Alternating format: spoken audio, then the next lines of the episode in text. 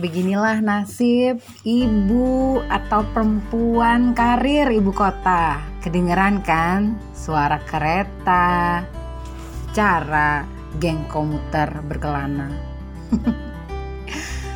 Kebayang ya gimana rasanya Pagi-pagi ngejar kereta yang dikejar udah lewat. Persis seperti cinta yang tak tergapai, tapi tenang. Yang berikutnya akan datang, tapi mesti nunggu. Apa sih yang dikeluhkan? Kayaknya tuh perdebatan antara ibu bekerja dan ibu di rumah itu kayak jadi masalah besar banget. Kayak never ending journey deh aku jadi ingat beberapa tahun yang lalu saat aku memutuskan untuk resign dari kantorku yang lama, salah satu koleha alias rekan kerja bilang, bagus deh mbak, sekarang memutuskan untuk di rumah. Artinya kan mbak akan jadi full time mom. Well, of course, in instant I answered. Menurutmu selama ini aku part time mother gitu?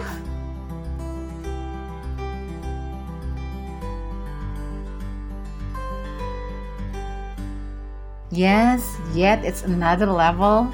Tapi sebenarnya nggak ada juga yang perlu jadi masalah besar antara ibu bekerja dan ibu yang di rumah. Toh keduanya tetap menyandang status ibu. Wahai kalian kaum ibu, berdamailah. Wahai kalian lelaki, nggak perlu juga ikutan judgement kanan kiri. Satu lagi percakapan yang menarik. Waktu naik taksi online, drivernya tanya, Loh, mbak kerja? Iya. Punya anak? Punya. Lalu dia bilang, masih sempat ya mbak buat kerja? Well, I guess being cynical is just part of who I am.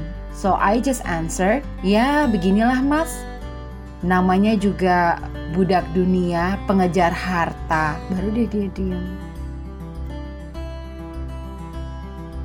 Aku jadi tersadar bahwa urusan bekerja dan tidak bekerja atau spacing perbedaan ini semua itu tuh udah lintas gender, lintas generasi dan itu tuh bikin capek banget. Akan lebih baik kalau kita menjadi di tengah tapi gimana bisa di tengah juga kalau dipojokin terus? Dalam setiap achievement itu, di dalamnya kan pasti ada keringat, air mata, tawa, waktu, pengorbanan, dan tagihan, Bo. Jadi biar saja para ibu bekerja itu tetap berjalan di jalannya. Dan biar saja ibu yang stay at home, yang tinggal di rumah bersama anaknya, itu memilih jalan hidup yang diinginkan. Gak usah lagi nanti ada perang, kan bisa jadi stay at home mother memulai mulai usaha online yang namanya hidup. Kalau semua kamu pukul rata ibaratnya tok kebiauyah kabeh podo ya sengorong ya gitu deh. Tapi aku sih berharap sih generasi di bawah aku cie di bawah aku anak-anakku nanti kelak bisa lepas dari framing ini.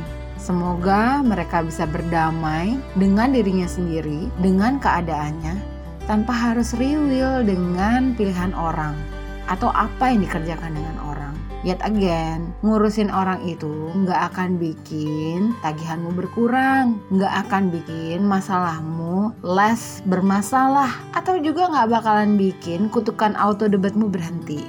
Ya kan?